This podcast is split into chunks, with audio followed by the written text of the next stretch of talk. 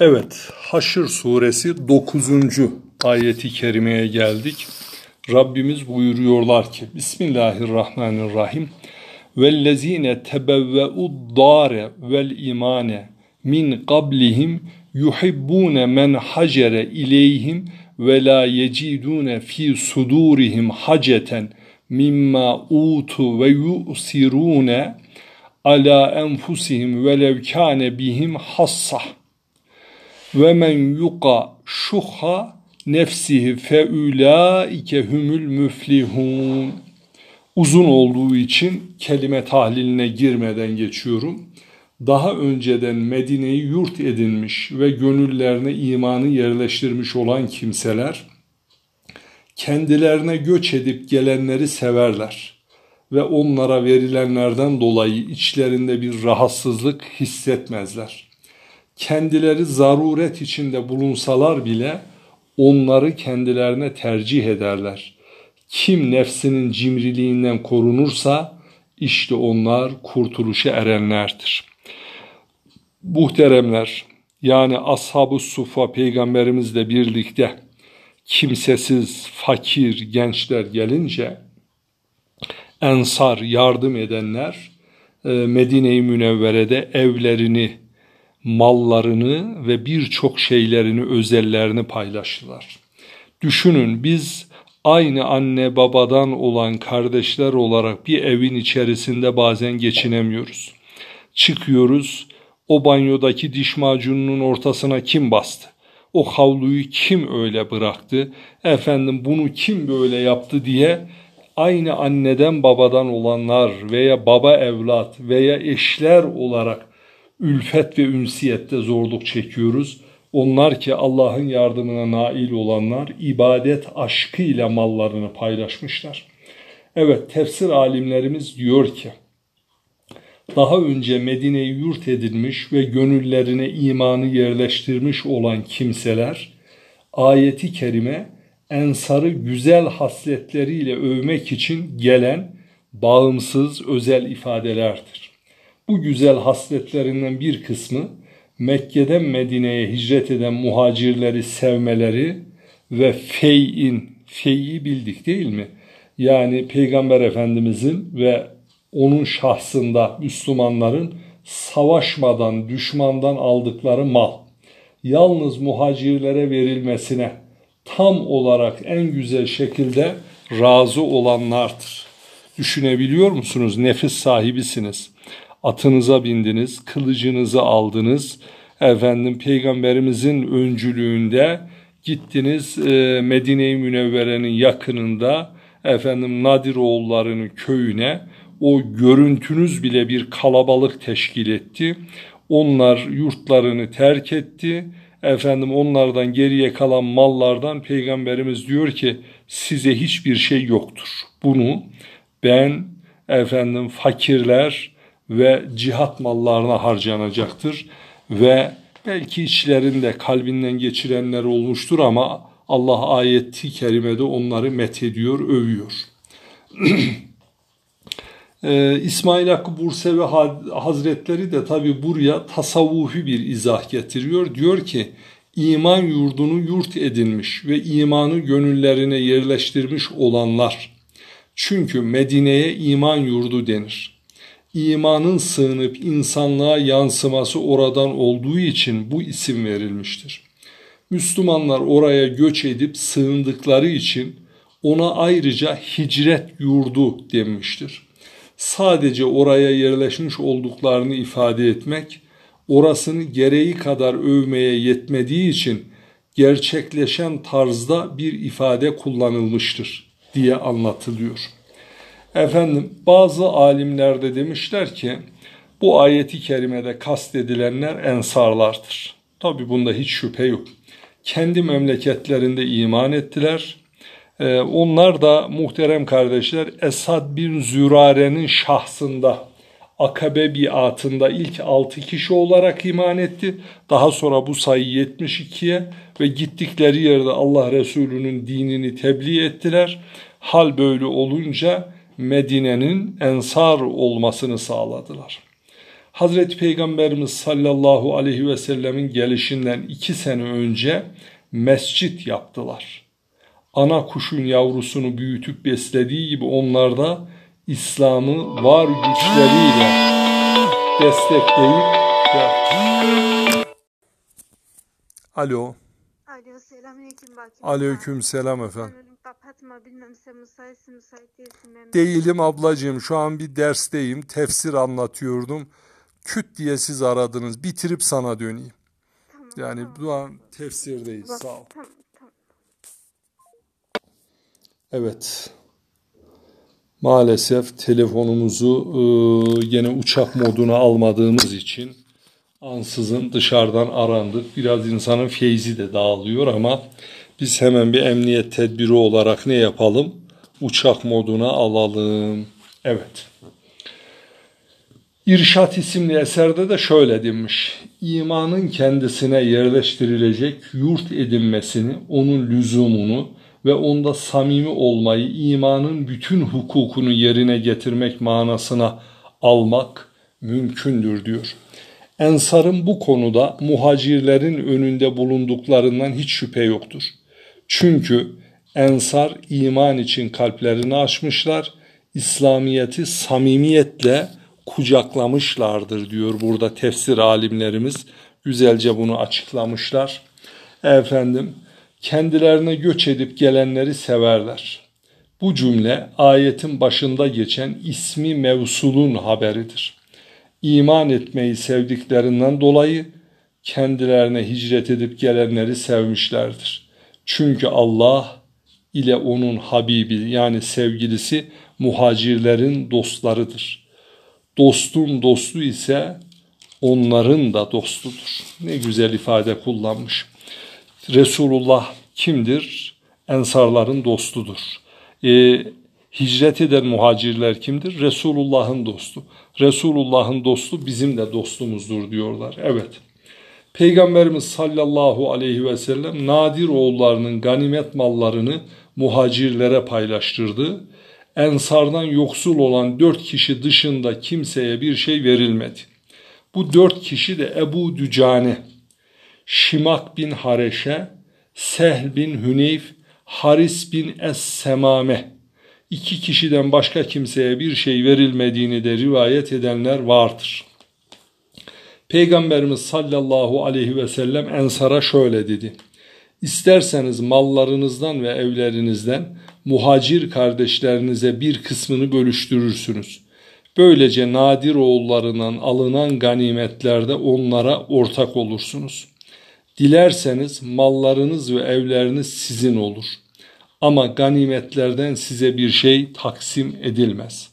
Bunun üzerine Ensar'da diyor ki, Hayır ey Allah'ın Resulü, biz hem mallarımızdan muhacir kardeşlerimize verir, hem de ganimet konusunda onları kendimize tercih ederiz. Ve böyle deyince bu ayeti kerime Allah tarafından Peygamber Efendimiz'e ne olmuş? Nazil olmuştur. Huzeyfe el-Adavi şunu nakletmiştir muhterem kardeşler. Yermuk Savaşı'nda amcamın oğlunu aramaya gitmiştim. Yanımda bir miktar su vardı. Onu kendisine ikram edecektim. Ağır yaralı olduğu için ona suyu gösterdim ancak evet diye işaret edebildi. Tam içirecektim bir başka yaralı ah su diye inliyordu. Bu iniltiyi duyan amcamın oğlu işaret noktasıyla suyu ona götürmemi söyledi. Onun yanına vardığında Hişam bin el-As idi. Kendisine su vereyim mi diye sordum. Evet diye işaret etti. O anda bir başkası su diye inliyordu ve ona suyu götürdüm. Heyhat! Üçü de suyu içemeden şehit olmuşlardı. Dolayısıyla işte bu kendi içecekleri, yiyecekleri malı başkalarına tercih ettiler de başkalarını kendine tercih ettiler de içmeden ahirete irtihal ettiler diyor. Efendim Tekmile adlı eserde de şöyle demiş. Sahih olan şudur ki ayeti kerime Ebu Talha hakkında nazil olmuştur. O zaman peygamberimize bir misafir gelmiş. Misafire ikram edilecek bir şey bulunmadığından bu misafire kim ikram eder? Allah da ona ikram etsin dedi. Ebu Talha Peygamber Efendimizin misafirini aldı, kendi evine götürdü. Hanımına dedi ki, misafire ikram edecek neyin varsa getir ve ikram et. Onun evinde çocukları için hazırlamış olduğu yiyecekten başka bir şey olmadığı için kadın çocuğunu uyuttu, ışığı söndürdü. Misafir yemeye başlayınca onlar da yemek yemiş gibi yaptılar ama misafir doysun diye yemediler.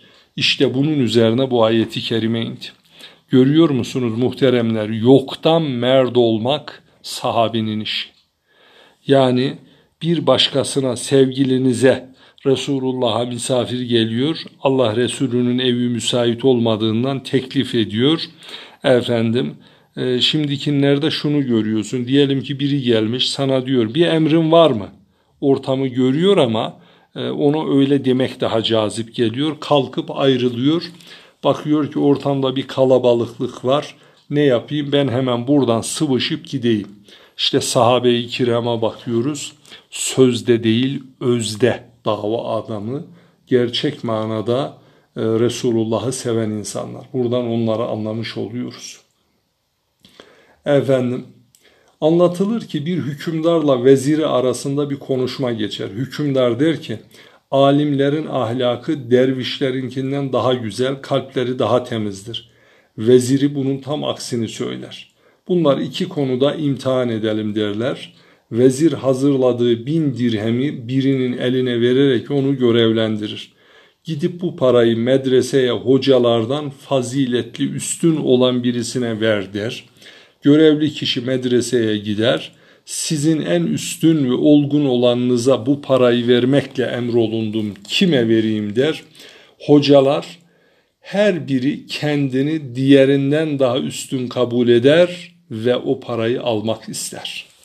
Efendim bunun üzerine görevli der ki ben hanginizin üstün olduğunu tespit edemedim. Parayı vermeden alır tekrar vezire götürür. Vezir bu kez aynı adamı, aynı görevliyi derviş tekkesine gönderir. Oradaki yoksullar alimlerin yaptıklarının tam tersini yaparlar. Bu defa görevlinin eline bir kılıç verir ve git onların reisinin başını kes gel der. Görevli gider, reisiniz kimse boynunu vurmakla görevlendirildim der. Tekkedeki dervişler her biri arkadaşının hayatını kendi hayatına tercih ederek onların yaşaması için reis benim diye boynunu uzatır. Efendim o adam der ki ben reisinizin hangisi olduğunu anlayamadım. Döner vezire gider. Vezir bu kez aynı görevliyi elinde kılıçla aynı görevliyi alimlerin bulunduğu medreseye gönderir. Alimlerse fakirlerin yaptığının tam tersini yapar vezir bu durumu hükümdara karşı bir delil olarak gösterir. Görüyor musunuz muhteremler? Para geldi mi herkes ben alayım diyor. Kılıçla ölüm geldiği zaman efendim herkes alimler başkasına atıyor. Gerçekten de sadece bilgi yetmiyor. Yani e, şöyle bir ayeti kerime okuyalım. Casiye suresi 18. ayeti kerime aklıma geldi. ثُمَّ جَعَلْنَكَ عَلَى شَرِعَةٍ مِنَ الْاَمْرِ فَاتَّبِهَا ve la tettebi ehva ellezine la ya'lemun. Bir bütün mana. Ee, sonra ey Resulüm sen şer'i şerife tabi ol ve la tettebi tabi olma ehva ellezine. O heva ve hevesine uyanlara tabi olma. Çünkü onlar bilmiyorlar diyor. Efendim e, Abdülkadir Geylani Hazretleri buyuruyor ki şer'i şerif şu üç cüzün cem'idir bir araya gelmiş hal. Birincisi ilim, ikincisi amel, üçüncüsü ihlas. İlim uzun da kısa geçeyim sadece bilmek demek. Amel uygulamak demek, ihlas o ameli Allah'ın hukukuna yakışır hale getirip de samimi içten riyasız bir şekilde takdim etmek demek muhterem kardeşler. Yalnız başına ilmin hiçbir kıymeti yoktur. Seyyid Ahmed el-Rufai Hazretlerinin beyanıyla amelin açlığından doğmadıkça. Yalnız başına ilim amel de Allah indinde raci değildir. İlle de ihlas ile samimi içten riyasız bir şekilde Allah'a ait olmadıkça. Hazreti Ali Keremallahu Veçe Hazretleri diyor ki idrak ile yani tefekkürle, fikirle kılınan iki rekat namaz bir gece boyunca kılınan e, tefekkürsüz, fikirsiz namazdan evladır. Evet. Efendim e, burada kısa kısa bir şeyler okuyup geçelim. Kim nefsinin cimriliğinden korunursa işte onlar kurtuluşa erenlerdir. Efendim e, buna göre mana Allahü Teala'nın yardımıyla nefsinin cimriliğinden korunan, malı sevmek ve Allah yolunda harcamaktan hoşlanmamak gibi nefsin kendisine dayattığı konularda ona karşı gelen kimseler kurtuluşa erenlerdir. Dikkat buyurun malı vermek zordur. Yani çoğu insan dilde sever ama icra edince zoruna gider. Para vermek de zordur hakikaten. Ee, bana Allah nasip etti. Ee, bir türbe Seyyid Hacı Ahmet Baba adına yaptırdık. O kadar vaadler geldi ki lisanıma şöyle bir kelam yerleşti. Ee, tarafıma geçmeyen hiçbir şey benim değildir. Adam bir anda hoş gelsin diye bir şeyler diyor. Tamam şunu ben de göndereceğim, yardım yapacağım. Bakıyorsun ki hep altı boş, hep altı yalan çıktı. Muhterem kardeşler. Burada Hazreti Resul-i Zişan Efendimiz Allah'ın ensarı övmek için bu ayetin geldiğini bize buyuruyor. Diyor ki işte fütüvvet ensar hakkında zikredilen bu sıfatlardan ibarettir. Fütüvvet Allah'ın dininin yaşanılır bir hale gelmesi için mesela e, Peygamber Efendimizin torunlarından Hazreti Ali, Hazreti Fatıma'nın evlatlarından e, efendim İmam Musel Kazım e, Emevi baskısından fütüvvet uğruna İran'a gitmişlerdir. Horasan'a göç etmişler, dini orada yaymaya gayret etmişlerdir. Muhteremler, ensarı sevmek imandan, onları sevmemek münafıklıktandır diyor. Efendim sallallahu aleyhi ve sellem. Demek ki ensarı sevmek imandan, sevmemekse münafıklığın alametindendir. Bir başka hadislerinde de buyuruyor ki Allah'ım ensarı, ensarın çocuklarını ve torunlarını mağfiret et. Onları yarlığa yani onları affet. Bu yarlığa kelimesi eski bir kelime. Peygamber Efendimiz buyuruyor ki üç şey helak edicidir, üç şey de kurtarıcıdır. Bu hadis-i şerifte helak edici üç şeyden birinin cimrilik olduğuna dikkat çekmiş. Ben de Resulullah'ın bir hadisini hatırlayayım inşallah. Ee, hasletani la yeçtemiani fi müminin el buhlu ve su'ul hulugu. İman sahibi bir müminde cimrilik ve kötü ahlak olamaz diyor Cenab-ı Peygamber Efendimiz. Peygamberimiz sallallahu aleyhi ve sellem senin olmayan yabancı bir kadına bakman şuh denilen çirkin huydur. Ayeti kerimede şuh diye geçti ya. Abdullah İbni Mesud radıyallahu an ise bu da ashab-ı sufadandır. Ben helak olmuş bulunmaktan korkuyorum. İbni Mesud'a sordular nedir o helak olmak? Allahü Teala'nın kim nefsinin cimriliğinden korunursa işte onlar kurtuluşa erenlerdendir buyurduğunu işittim. Ben ise cimri bir adamım. Hemen hemen elimden hayır için hiçbir şey çıkmaz dedi. Bunun üzerine bir adam Abdullah İbni Mesud'a diyor. Şuhtan maksat Allahü Teala'nın Kur'an-ı Kerim'de zikrettiği başkasına ait olan malı haksız olarak yemek değildir. Ancak buna bakilik denilir. Bakilik kötü bir huydur. Şuh ise kendi malından hayır için vermemektir. Evet. Hakim Tirbizi de diyor ki muhterem kardeşler şuh cimrilikten daha zararlıdır. Çünkü fakirin ihtiyacını karşılayacak bir şey bulunduğunda rahatlar. Ama şuh cimriliğiyle hastalık içine giren kimse böyle değildir. O asla rahat olamaz. Evet.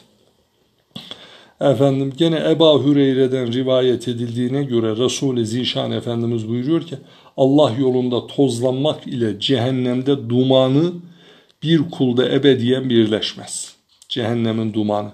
İman ile de cimrilik, kıskançlık bir kulun kalbinde ebediyen birleşmez.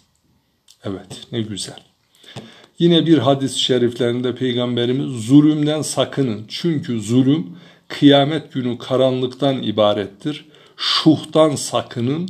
Çünkü şuh yani cimrilik, hırs ve kıskançlık sizden evvelkileri helak etmiştir.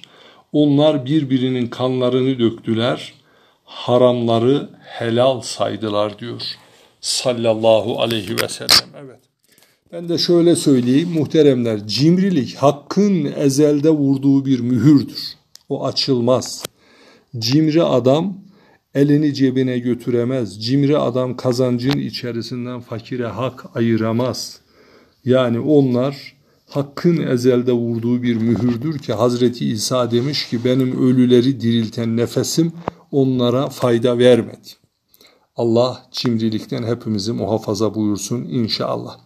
Yani yeri gelince kazancı Allah yolunda harcamayı bilmek lazım muhteremler.